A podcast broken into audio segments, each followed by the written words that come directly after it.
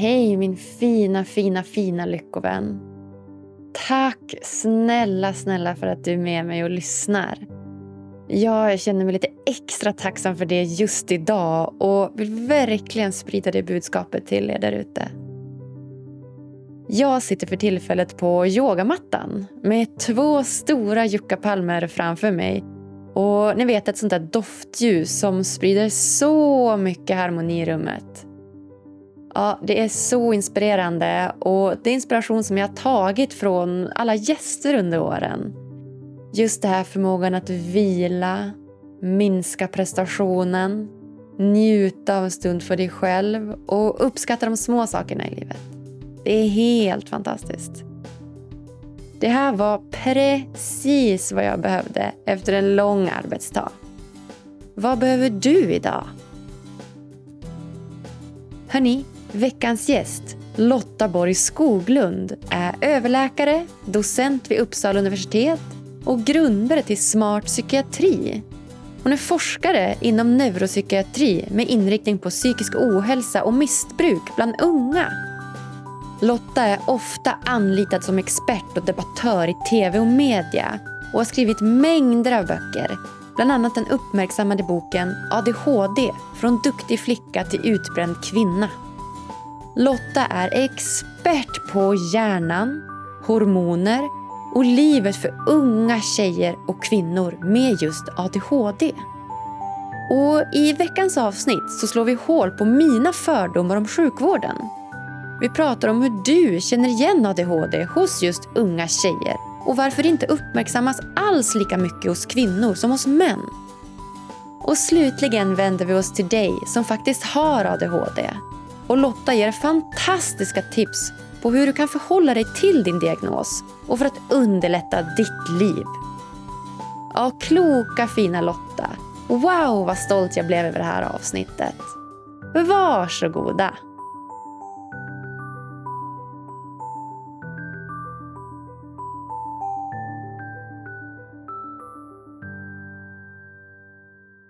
Efter årets teknikstrul får jag äntligen säga varmt välkommen till Lyckopodden Lotta Borg Skoglund! Åh, tack! Jäklar, är det fjärde gången gilt vi har försökt? Ja, men alltså, det känns som det. känns som så här, tio gånger gilt. Ja, Shit ja, vad det- vi har krigat. Det har blivit personligt till slut. Det har varit vi mot mikrofonerna och datorerna. Ja, men det har det. Det har det verkligen. Fin, fin teamanda där till slut. Mhm. ändå. Verkligen. Gud, ja, annars då? Hur är läget idag? Det är väldigt bra, tycker jag. Det har varit eh, en ganska intensiv vår och nu börjar det liksom, man börjar känna slutsträckan in mot sommaren. Det Mm, tycker jag känns härligt. mm, visst. Ja, nu är det nära semestern här. Och, och, ja, men jag har researchat lite på dig och tycker att eh, ja, men det är många... Du har många ben att stå på, kan man säga. Ja, men det tar jag som en komplimang. Ja, men verkligen. Det, det är familj. Det känns som att du värdesätter familjen väldigt högt. Du har många barn. och Mm. Du är både läkare och du forskar och ja, men du skriver böcker. och Du är många olika ämnen så att säga som är din expertis. Ja, men det låter trevligt när du säger så. Jag känner ju att jag jobbar med ändå ganska så här avgränsat område, även om jag gör många saker inom det området kanske. Ja. Känner du att du hinner med livet? Inte alltid, eh, men oftast. Och jag har nog med åldern också lärt mig att acceptera de här känslorna av att inte hinna med och känna en stark stress i perioder just därför att jag inte gillar motsatsen. Att inte ha Mm. någonting att göra och inte ha någon riktning sådär. Nej. Nej, men det har du helt rätt i. Det är som en balans där mellan dels att ha den här meningen och känna att man har något som man bidrar med och något man brinner för. Då i kombination med att kanske då vara mer i nuet och kanske med familj och vänner och så. Så att eh, ja, det är en ständig balans, eller vad säger du? Ja, men det, det är det verkligen. Och det är inte alltid man får ihop det. Det är inte alltid det är 100% harmoni och balans. Men någon form av känsla att med åren så får man en ganska bra uppfattning om vad ens egen balans är. Det, det tycker jag är eh, skönt att bli äldre. Mm. ja, men jag håller faktiskt med. Jag är ju 30 plus, eller ja, 30 är jag. Och jag känner också att det blir bara bättre med åren. Alltså. Ja, det är det så blir det. skönt. Ja. Det är faktiskt eh, skönt. Och det det säger jag ofta till ungdomar som jag träffar. Att eh, du, du behöver bara hålla ut, det blir bättre. Ja. Det kommer i alla fall inte vara så här hela livet. Nej, exakt. Ha Lotta, ja men du är ju då som sagt överläkare, du är lektor vid Uppsala universitet och grundare till Smart psykiatri. Vet du vad? Vi har hållit på med det här teknikstrulet så länge så jag har hunnit att bli docent istället för lektor. Från vi pratade första gången. Är det sant? Ja, jag hörde Men- det först nu när du sa det. Att, ja, men så är det ju faktiskt. Nej, men stort grattis, Tack. vad roligt! Tack. Det var ju inte alls dumt. Tänk vad så mycket som hinner hända på, på något teknikstrul. Ja. Ja, faktiskt. Det var lite roligt. Ja, det var lite kul. Om du skulle berätta något om dig som ingen vet, om man skulle lära känna dig liksom på något annat plan, lite djupare plan, vad hade du, vad hade du berättat om dig då? Men gud, vilken svår fråga. Kunde du inte förvarnat mig om det här? Nej, men, Roligare alltså, inte grejen är så att jag är en ganska ohemlig person. Sådär, för att jag, jag hoppas i alla fall att jag inte försöker att måla upp någon bild av vem jag är som jag inte är till mina vänner och kollegor och familjen och sådär. Så vad ingen vet. Oh. Gud, det känns som jag är helt genomskinlig därför. Kanske faktiskt någonting som jag tänkte på nu i slutfasen av den här senaste boken som vi håller på att färdigställa. Att jag tror att jag kanske är en mer reflekterande och existentiell person än vad som jag själv har tänkt tidigare i livet. När saker och ting går väldigt fort så är det inte alltid så att man tänker att saker blir så djupa då. Men, men det tror och hoppas jag i alla fall att jag är och att de som känner mig väl också märker. Ja, men vad härligt. Ja, men för det, det kan jag faktiskt säga, så här, en klassisk fördom som, som jag har om så här, läkare och väldigt, så här, ja, men du vet, väldigt mycket det akademiska, du vet, rätt fram, ja, nej, rätt, fel. Att det blir lätt att man kanske missar den biten. Att man blir lite mer så här en diagnos och diagnos. Och du vet, det finns inget kanske och inget andligt och inget du vet, spirituellt utan det är väldigt så här, rätt upp och ner. Så det, det var ju en, en, kul att du slog hål på den. Ja, men vad bra. Jag Ja. tror att vi är många som är det, och fast det inte kanske syns egentligen sådär, alltid i det vi gör och våra jobb och sådär. Men jag tror att det är en jätteviktig del att ha med. Och jag märker när jag tänker på det att jag har alltid som haft nära till den delen i mitt jobb, även om det som vi jobbar med, eller jag jobbar med, är ganska sådär, ja men så här, precis som du säger, det här är en diagnos och då ska man göra så här. Och, och framförallt neuropsykiatriska diagnoser, där har vi ju väldigt väl utvecklade evidensbaserade metoder för hur man kan få sin vardag att funka bättre. Och där är det ganska mycket praktiskt. Det är liksom hands-on. Man Men skaffa eh, de här, eller bättre strategier eller rutiner i vardagen, att få till liksom rutiner kring mat och sömn. Och det kan ju verka ganska så här eh, automatiskt. Men under det så finns ju också just det här måendet och känslorna och det existentiella. Att när man får det praktiska att fungera så finns det möjlighet att också få vara i kontakt med hur man mår och hur man känner, tänker jag. För om vi tar en väldigt vanlig psykisk sjukdom som vi har idag, depression, som över en miljon svenskar har, så känns det också mycket för mig då som är, står lite på från utsidan, men att ja, men man går till, till läkaren och psykologer och så får du liksom det här pillret i stoppat i dig och sen ska det blir bra. Medan många som, andra som jag pratar med menar ju på att, ja, men till, exempel Anders Hansen har ju skrivit den här boken som heter Träning på recept. Tror du att det går lite mer åt det hållet att man faktiskt kan liksom hjälpa folk via olika livsstilar istället för bara att liksom bota själva symptomet där och då. Ja, men det tror jag verkligen. Och, och det är någonting som vi har lyft, eller som har lyfts väldigt mycket tycker jag de här senaste åren. Så här, vad, vad ingår i normalt liksom, kämpande, lidande i livet och när blir det här en sjukdom och någonting som man behöver medicin för? Och framför allt kanske, vad kan man själv göra för att undvika att det går så långt? Att man kan sköta om sig själv om man har den möjligheten och förmågan så att man minskar risken för att vara en av dem som behöver medicin. Och det tror jag är jätteviktigt att vi liksom lyfter det och diskuterar det. Men också att faktiskt lidande och man har olika motståndskraft och möjlighet att hantera motgångar i livet. människor emellan. Så, där. så att samma sak, eller det som kan verka som samma händelse som drabbar två olika personer, det, det kan få väldigt olika konsekvenser beroende på vem man är. Och där kommer liksom det här existentiella livslinjen in. Sådär. Vem, vem är den här människan som drabbas av den här motgången? Och vad har den människan för inre resurser att möta det här, tänker jag. Där är vi jätteolika. Ja, men det blir verkligen. Som du säger, en händelse kan ju betyda helt olika saker för, för två olika personer. Mm, mm. Men i ditt arbete, hur, hur jobbar du med sådana liksom, uppfattningar? Ja, men jag har ju världens bästa arbete då, hävdar jag. nej, nej, men efter att, podcastledare. Efter, exakt, precis där, jättetätt. Fast podcastledare verkar vara skitjobbigt med teknikstrul. jag, tror faktiskt att, jag tror faktiskt att mitt jobb är bättre. Nu har vi börjat jobba så mycket digitalt så jag kämpar med det här jäkla teknikstrulet ändå. Ja. Men eh, liksom, utanför det så tänker jag att jag får ju följa med på en resa där en människa kommer till mig och frågar det här har varit motigt för mig, svårt för mig genom hela livet. Vad kan det bero på?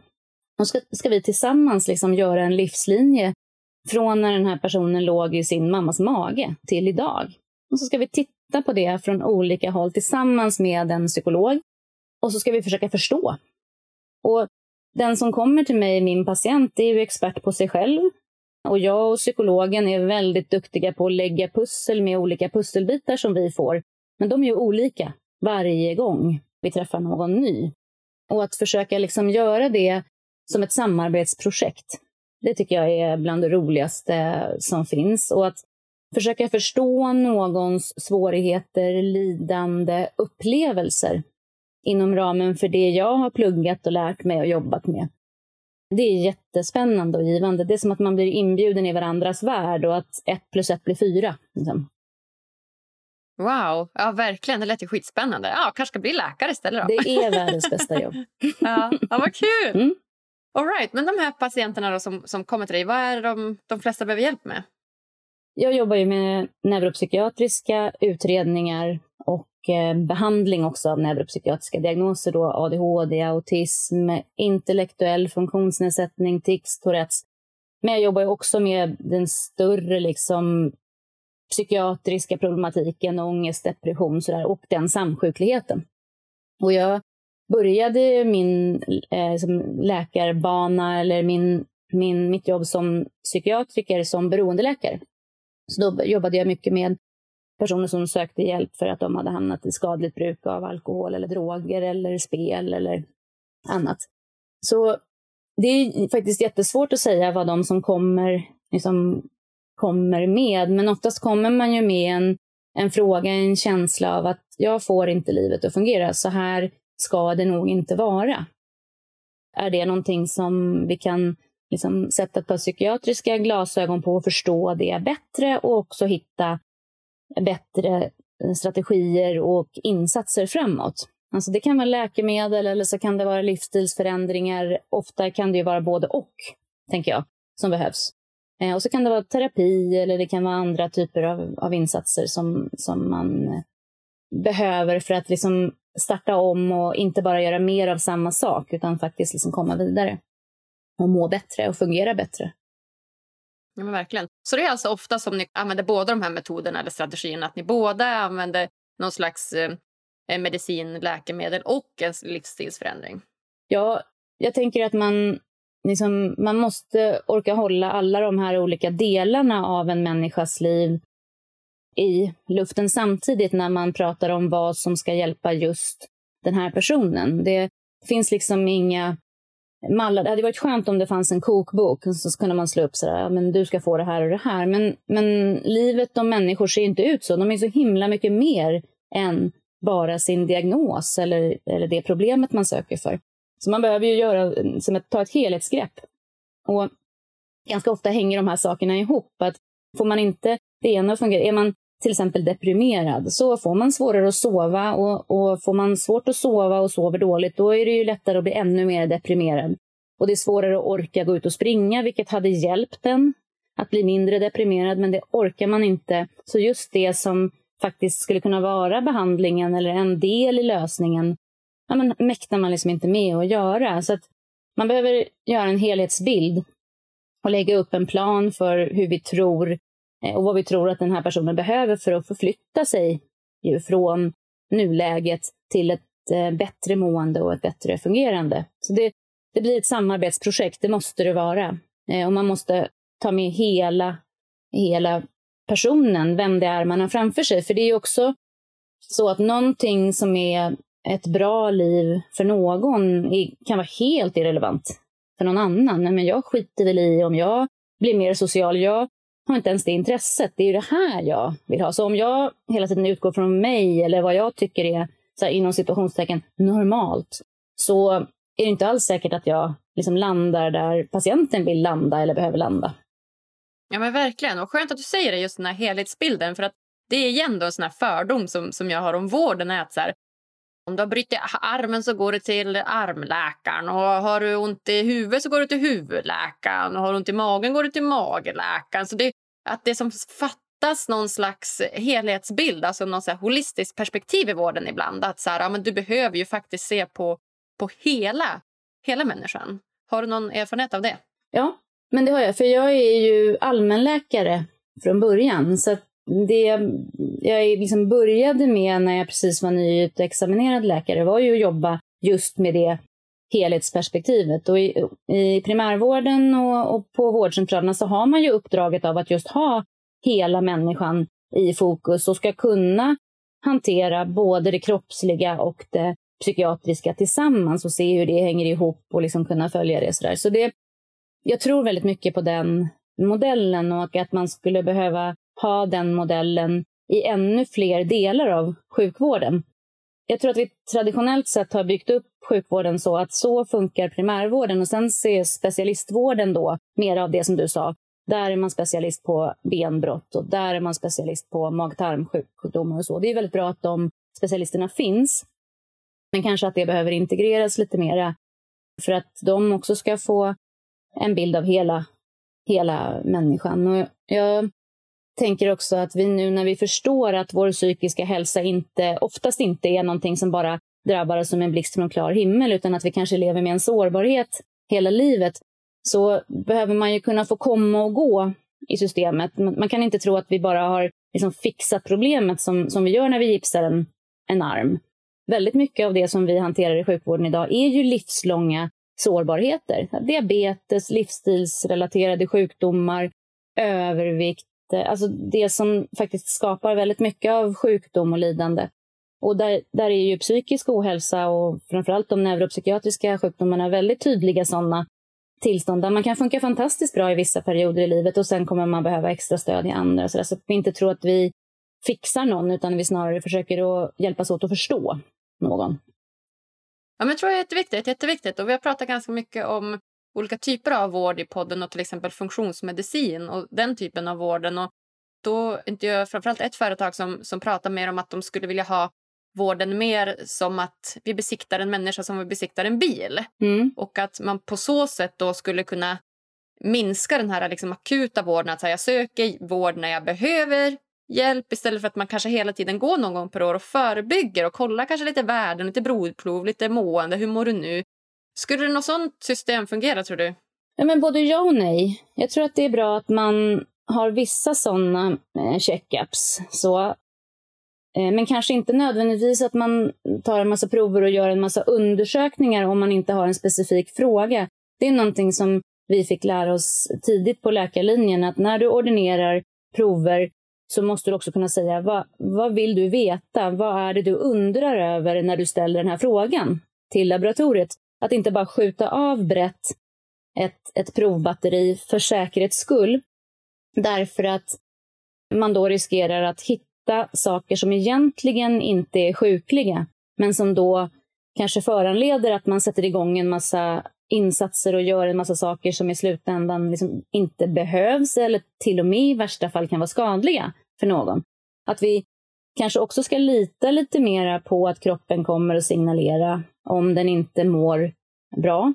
Och att kroppen är en väldigt klok och anpassningsbar organism som, som har jättestora möjligheter att anpassa till exempel upptag av näring och olika typer av eh, mineraler och, och sådana saker så att vi oftast inte behöver liksom, vara så rädda för att vi har brister eller att vi behöver tillföra någonting. Sen finns det vissa sjukdomar som vi verkligen ska ha de här checkupsen på, där vi vet att de eh, kanske inte ger symptom i, i tillräckligt tidigt eller att när symptomen väl kommer så har sjukdomen hunnit bli så allvarlig att den är mycket svårare att behandla. Eller att sjukdomen, som vissa cancersorter till exempel, är väldigt vanliga i vissa grupper, i vissa åldrar. Sådär. Så jag tror att man, jag tror tyvärr inte att det finns den här manualen för exakt om vi alla gör så här så kommer det liksom att bli det bästa för alla. Men säg då att man tar de här ähm, blodproverna så har man... För jag förstår ju syftet där med att man måste liksom ha någon specifik fråga så att de vet vad de faktiskt ska leta efter.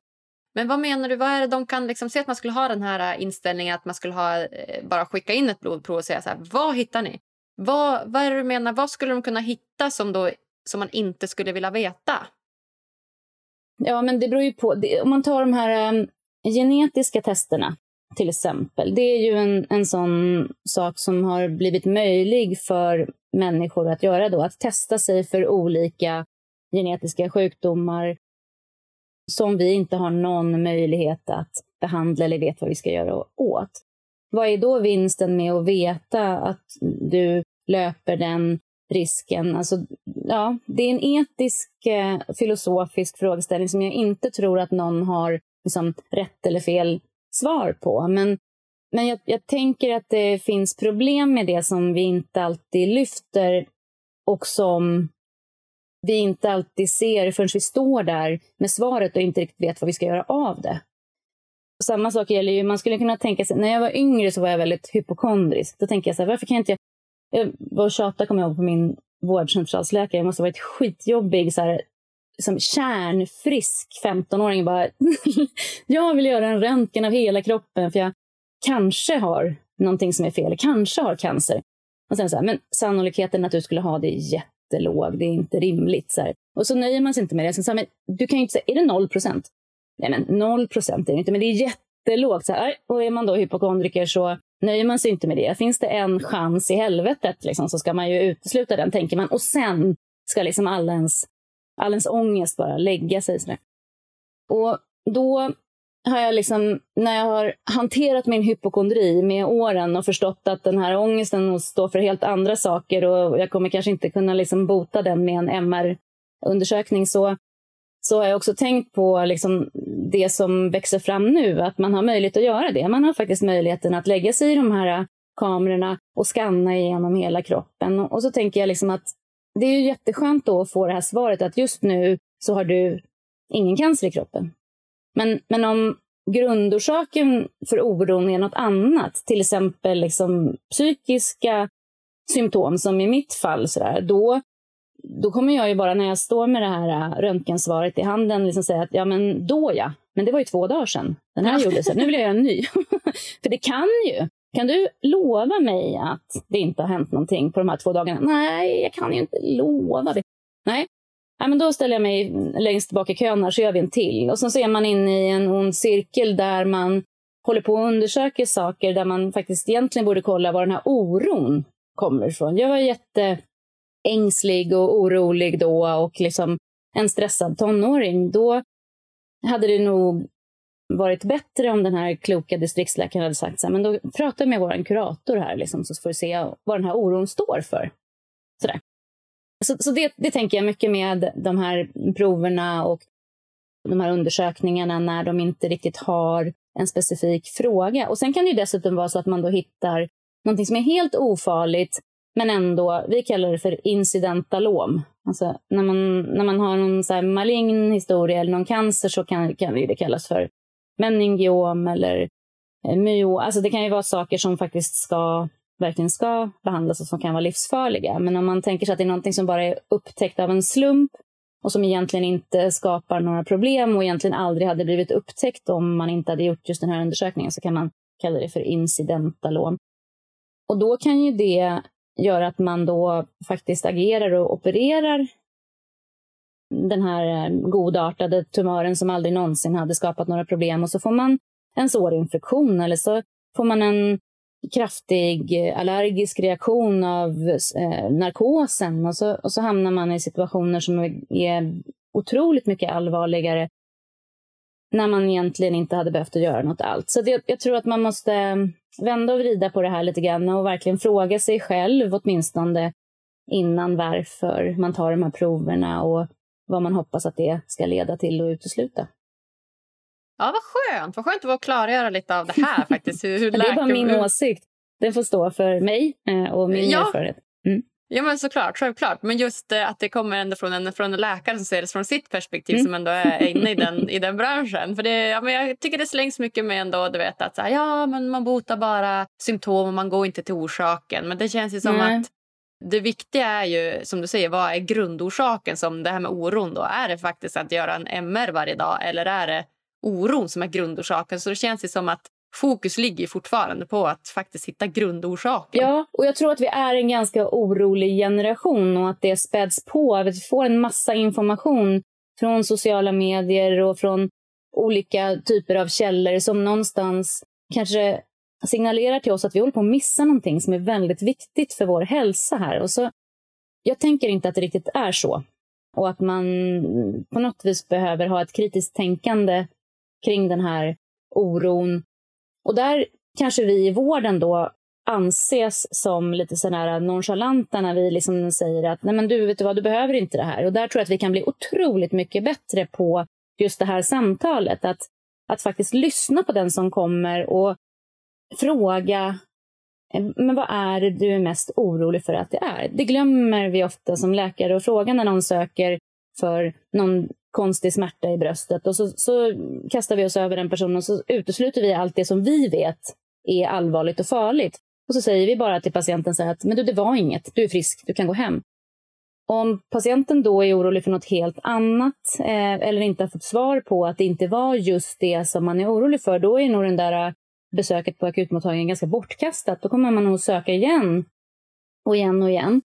Och om man då frågar sådär, men, men vad är du mest rädd för att det här ska vara? Och då kryper det ganska ofta fram att men jag är jätteorolig för att det skulle kunna vara cancer eller jag är jätteorolig för att det skulle kunna vara hjärt mitt hjärta som det är fel på. Och då kan ju jag förklara på ett mycket mer riktat och liksom informativt sätt hur, hur jag har tänkt när jag har uteslutit och att jag faktiskt har gjort allt vad jag kunnat för att utesluta just det. Om jag inte har gjort det så kanske det är värt att göra en undersökning för att den här personen faktiskt ska få svar på den frågan.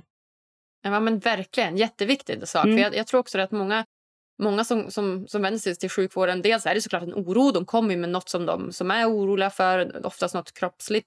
Men sen också just den här viktiga delen att bli lyssnad på, att bli hörd. Jag tror att det också är otroligt, otroligt viktigt. Och det, otroligt det är ändå en fin... Ja, men otroligt viktigt. Ja. Så det är något väldigt det är underskattat också, tror jag, tyvärr.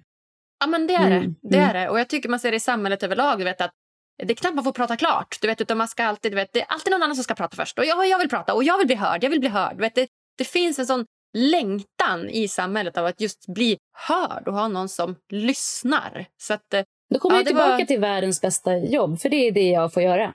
Jag får sitta och lyssna tills någon har pratat klart. Och Sen ska jag försäkra mig om i slutet, har, i slutet av mötet, har jag förstått vad du menar? Har du fått säga det som du har på hjärtat? Eller känns det som att det är någonting kvar som jag behöver veta om dig för att jag ska kunna liksom vara den bästa bollplanket eller samtalspartnern för jobbet vidare. Så det, det är underskattat och också underskattat hur, hur roligt det är att få jobba så. Ja, vad kul! Mm. Ja, ja, det är bland det mesta med mitt jobb också här som, som programledare. Att jag får också lyssna så mycket och lära ja, mig så mycket. Jag. Så att, eh, ja, det är kul. Ha, Lotta, så spännande. Du har skrivit en bok också om eh, ADHD hos kvinnor. Ja. Berätta, hur kom det sig att du skrev just den om kvinnor och ADHD? Ja, men det kom sig faktiskt precis av det som vi pratade om nyss. Att jag kände att jag hade lyssnat på så många kvinnor som hade unika berättelser, unika upplevelser men som ändå kände som att de var centrerade runt samma tema.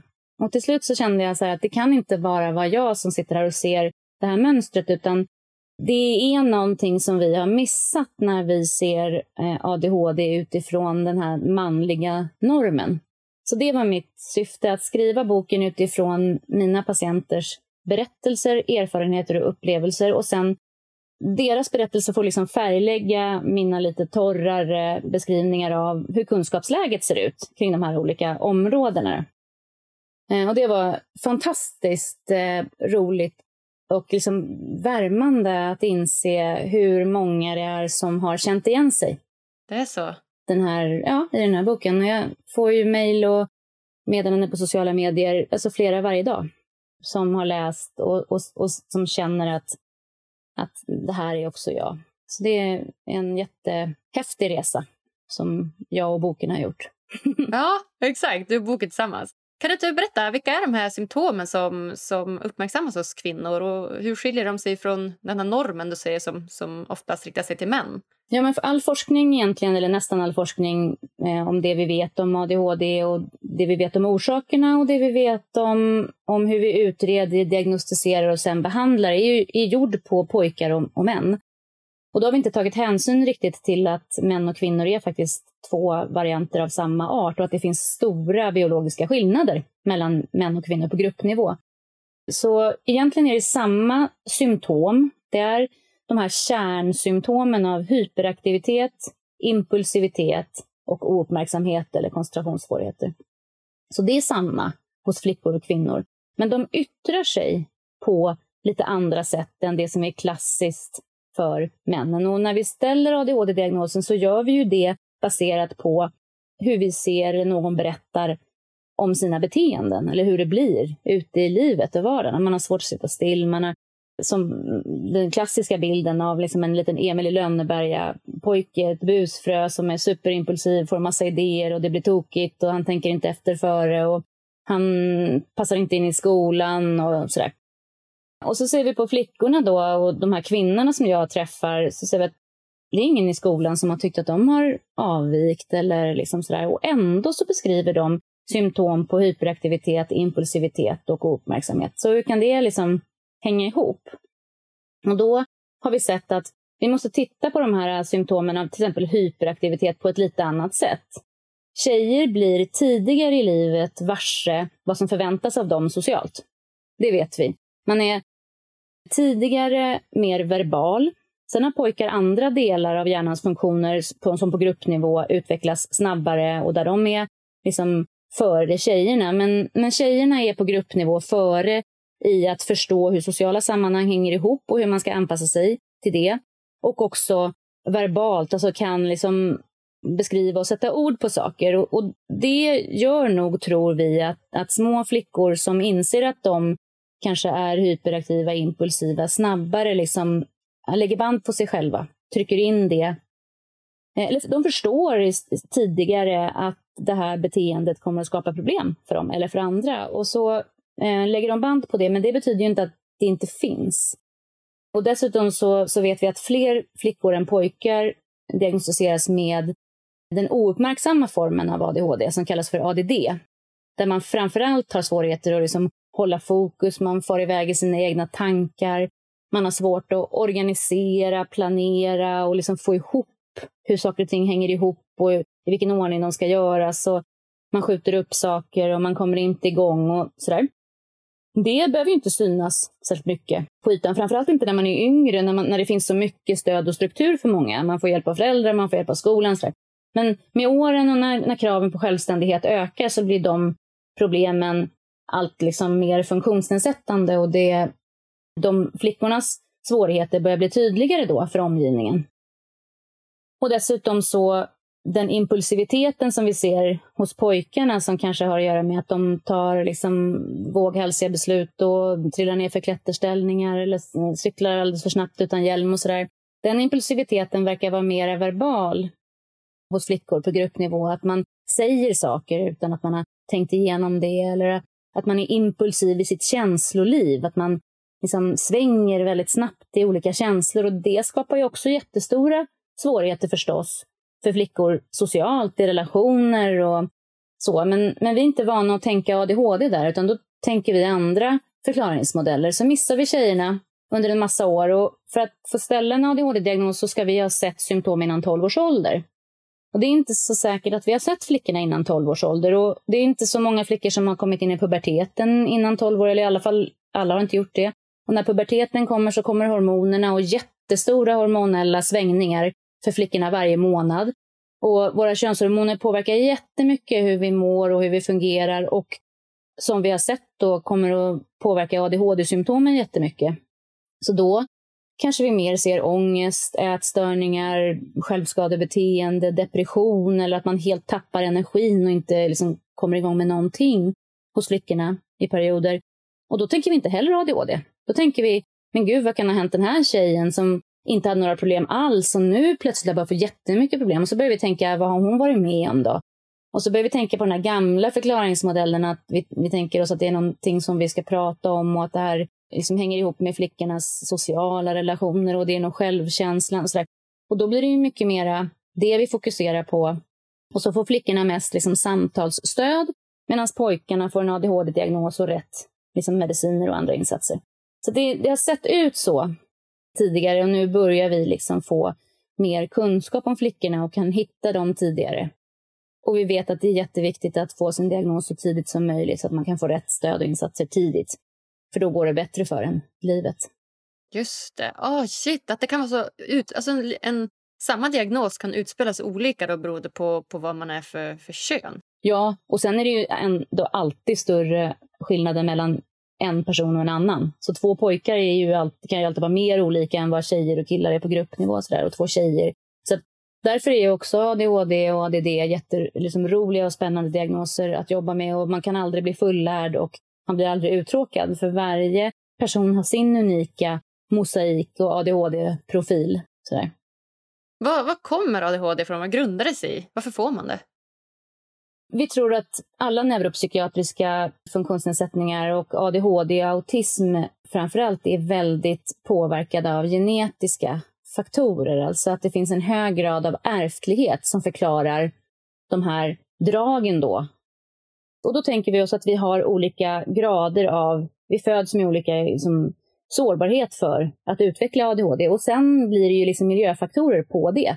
Så inga av de här diagnoserna existerar ju i något vakuum, utan det handlar om hur mycket stöd och insatser man kan få för sina svårigheter och sina unika, sin unika ADHD-profil. Det finns miljöfaktorer och vi vet att om man är född väldigt, väldigt tidigt, om man har liksom varit utsatt för syrebrist under förlossningen till exempel, eller om ens mamma har varit utsatt för olika liksom, förgiftningstillstånd och sådana där saker, så, så det är sådana saker som kan påverka att man kan ha ökad risk för att få ADHD. Men det, vi tror inte att ADHD orsakas av dåliga föräldrar eller för mycket socker i maten eller för mycket snabbmat eller för mycket skärmtittande och så, utan det tänker vi nog är kanske tvärtom, att det hänger ihop med att när man har ADHD och någon i familjen har ADHD så är det så mycket svårare att få till det här med hälsosamma kostvanor och regelbundna matvanor och sådär. Sömnrutiner ja, och matrutiner och så. Exakt. Ja, just mm. det. Ja, jag fattar. Okej. Okay. Mm. Så och säg då att man har en ADHD-diagnos, eller, ja, antingen tjej eller kille. Mm. Vad, vad kan man göra för att underlätta livet? Vad, vad kan man förebygga det med? så att säga?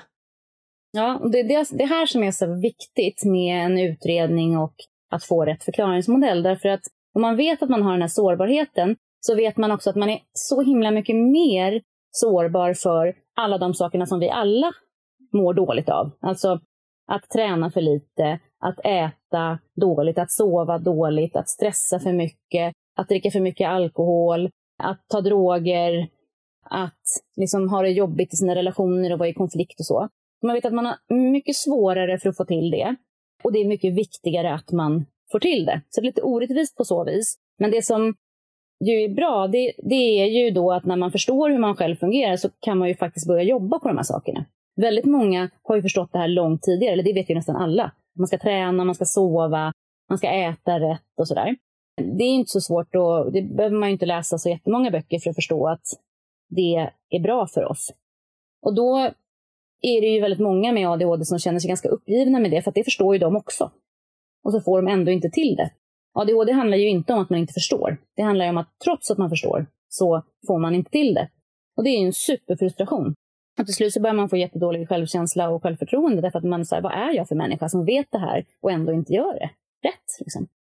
Och att första steget är oftast att förstå att man har svårare, men att det är viktigare och sen hitta strategier för att ändå få till det.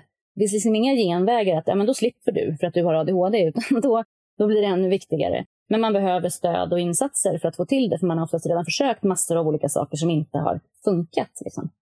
Så det, det tänker jag är nummer ett. Det som jag tycker är allra, allra, allra viktigast, det är att lära sig om sig själv och sin egen ADHD. Och det var också en av anledningarna till att jag skrev boken. Att jag hoppas på att om, om man läser den och känner igen sig i det där, så kanske man inte ens behöver en utredning. Man kanske kan börja med att jobba med de här delarna och, och ta, liksom, ta råd och stöd av det som vi vet funkar när man har ADHD. Och kan man då använda sig av de strategierna och, och liksom komma i mål med det så kanske man inte behöver en utredning eller medicin ens en gång. Ja, men verkligen. Gud vad spännande. Mm. Säg, att, säg att man eh, då... Ja, men, som du säger, om man ska ställa en diagnos innan 12 års ålder, det är väldigt, väldigt tidigt. Säg att man eh, kommer på när man är 15-16 år att så, oh, det är något som inte står rätt till. Vart, hur, vad vänder man sig då och hur gör man då? Man kan egentligen vända sig lite var som helst i sjukvårdssystemet och få hjälp att komma rätt. Men, men just nu i Sverige så är det eh, den specialiserade psykiatrin som genomför ADHD-utredningar.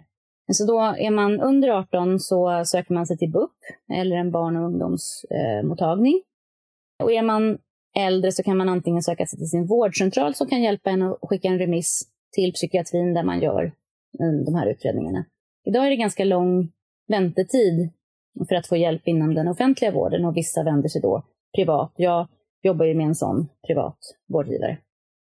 Ja, ja spännande. Mm, Shit, det är alltså. det, Ja, men det är jättespännande. Och, ja, men när du säger det, liksom, det är inte helt, helt omöjligt. Jag har stött på sådana personer liksom, i min klass eller liknande tjejer som, som har haft de här, de här liknande problemen. Så att, eh, ja, det är verkligen viktigt att det kommer att, det, att de kommer fram och att de vet om det själv och att man får då den, den hjälp som man faktiskt behöver. Ha, ja, nej, men jag är superglad att du ville vara med mig idag Lotta. Det här var ju hur spännande som helst. Jag är superglad att, vi, och... att jag fick vara med och att vi har faktiskt klarat av det här att vi har klarat det. Alltså, vi har varit så grymma som faktiskt har klarat det. Det, det, det kändes lite så som att när vi, väl var klar, när vi väl fick det här att funka att jag inte riktigt visste vad vi skulle prata om. nej, nej men exakt. Nej, men jag var också lite så här, bara, vi har inte ens pratat någonting om vad vi ska prata om. Jag bara liksom försökt lösa teknik och allting. Så att, eh, men ja, jag är superglad. Mm. Superhärligt samtal. Tack snälla. Jag tänker att vi ska gå in på de sista frågorna här innan vi lämnar varandra. Och eh, den första frågan är ju då, vad gör dig riktigt lycklig? Oh. Det finns många saker. När man är förälder så, så är ju att se ens barn växa upp, utvecklas och bemästra nya saker är, gör en väldigt, väldigt lycklig. Jag tycker det är ännu roligare att vara tonårsförälder än att vara småbarnsförälder. För nu, nu ser jag mina barn utvecklas till vuxna, fantastiska individer. Det gör mig riktigt lycklig varje dag på lite olika sätt. Sen gör det mig lycklig att springa. Jag eh, älskar att röra på mig. Och att utöva lite så här farliga sporter. också, som jag inte alls behärskar, men som jag tycker är jätteroliga. Typ vilka då? Typ så kitesurfning och sånt som jag liksom inte är dugg duktig ja. på, som man inte alls ska börja liksom med i 45-årsåldern, men Nej. som jag tycker är skitroligt. och sen faktiskt trädgårdsskötsel låter så supernördigt, men jag, det är ett intresse som jag också har utvecklat lite äldre. Det gör mig riktigt lycklig att gå runt i mitt land och bara se hur naturen liksom, ja, växer och hur saker och ting utvecklas. Så utveckling kanske gör mig, kanske gör mig lycklig. Ja, det var en bra sammanfattning. utveckling på många olika plan. Växter, naturen, barn. Kanske du själv också vill ja, men utvecklas? Lite så, att utmana sig själv och faktiskt lära sig att behärska saker som man inte trodde var fysiskt möjligt. Det är nog en liten sån där last som jag har. Att jag ska fasen klara det här. Ja, men Spännande. Jag jobbar ju som rekryterare lite grann på, på sidan om också, podden. Och då frågar vi ofta så här, men vad, vad drivs och motiveras du av i arbetslivet? Du vet, en klassisk fråga. Och det finns ju inte en enda som inte svarar just att utvecklas. Jag vill inte stå och stampa på samma ställe, det vill jag inte, jag vill utvecklas. Det, är lite, det kan vara lite klyschigt sådär, men jag tror att i mitt fall så har hela mitt liv, jag, jag har drivits väldigt mycket av jag ska visa dem. Alltså, de säger att det här inte går. Jag, jag triggas jättemycket av omöjliga situationer som jag tänker, de kan inte vara omöjliga. Det måste gå. Och det är väl en form av utveckling. Ibland är det lite sådana Don Quijote som slåss mot väderkvarnar, men ibland blir det bra. ja. ja, men precis. Och jag kan tänka mig att så här, nu är det väldigt generellt här, men många yrken kan nog vara rätt monotoma. Att man gör liksom samma, samma. Alltså industriyrken kan väl säkert vara så. Och då, då förstår jag det. Vi människan är någonstans, vi är någonstans skapta för att liksom, ja, men, sträva och ha någon mål och någon mening och sådär. Så att eh, jag förstår ändå den biten och jag håller helt med. Mm. Har du något liksom, så här, tips till något så här, slutligt tips till eh, då kvinnor eller män som, som har ADHD? Vad, vad skulle du vilja säga till, till dem? Något så här, lyckotips? Mer än att eh, äta, träna, sova rätt. Jag skulle vilja säga ta dig själv på allvar.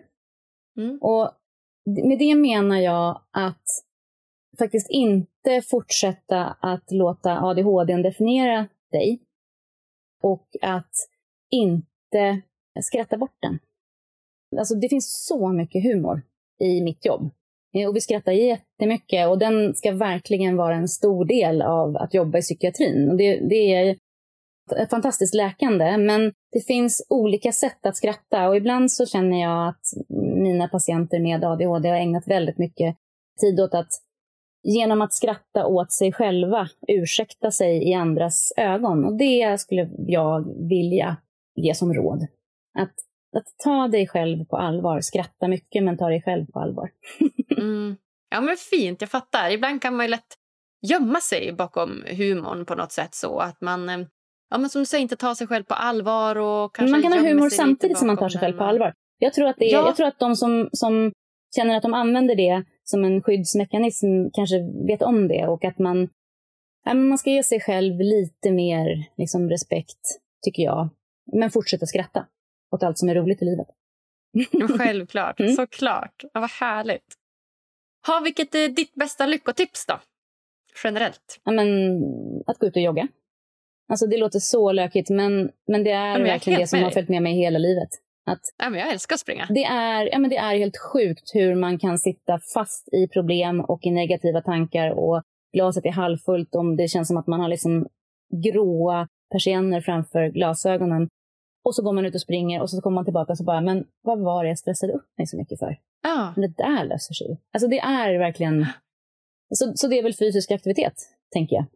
Det behöver inte vara liksom löpning, men att förflytta sig tror jag. Att inte, inte sitta kvar då när man känner att man sitter fast. Och det, där är fysisk aktivitet bra. Ja, men det är det verkligen. Och just där som du säger, att man kan sitta med något problem och bara, gud, ska jag göra det här? Jag vet inte vad man ska göra. Och man brusar upp sig. Och sen går man ut och springer och så bara, jaha, men just det, jag ska bara göra så där eller så där. Och så kan man komma på det, du vet, så här enkelt. Det är häftigt hur hjärnan funkar. Jag simmar mycket också, jag simmar varje morgon. Det är ju så galet tråkigt. Då ligger man liksom och krålar i 45 minuter och tittar ner på bassängbotten. Liksom. Och då kan inte hjärnan göra något annat än att börja liksom, tänka kring saker som man inte hade planerat att man skulle tänka på. Och där tänker jag mig att så jäkla mycket problem som jag har löst, så många tal jag har skrivit, så många föreläsningar jag har liksom sett den röda tråden i genom att bara låta hjärnan så här, sköta sig själv. Istället för att sitta där vid datorn med den där powerpointen och bara hur fasen ska jag få ihop det här? Så att, att liksom, kraften i det här med liksom just att, att låta hjärnan få vila, fast kanske för oss som är lite rastlösa av oss, kanske inte vila är att sitta i en solstol eller eh, i en yogapåse, utan då kanske det är just att den fysiska aktiviteten är hjärnvila på riktigt. Och det, det upplever jag. Ja, men det tror jag verkligen. Jag håller helt med. Det är, det är vila. Att vara fysiskt aktiv är också att vila på ett sätt. Verkligen. Ja, nej, så himla bra. Är det något eh, så här, slutligen som du känner att du vill dela med dig av till lyssnarna som du inte har fått nämna än? Nej, men jättespännande samtal och så himla bra, bra frågor och saker som jag inte har tänkt på på jättelänge. Så kul. urkul. Ja, att vi fick kul, till det här till slut. Alltså du fick till det här till slut. Jag var så lycklig. Ja, Det, det är ingen annan än du och jag som är helt uppfyllda av det här Nej. stora. Men det är det. Det känns jättebra. Ja, ja, men det känns så bra för mig också Lotta. Och jag är jätteglad att du kom hit och ville gästa mig. Så att, eh, jag säger bara tack, tack, tack snälla Lotta för att du kommer gästa mig här på Tack, tack, Lyckopodden. tack, tack snälla Agnes för att jag fick vara med och för att du hade tålamod med all teknik.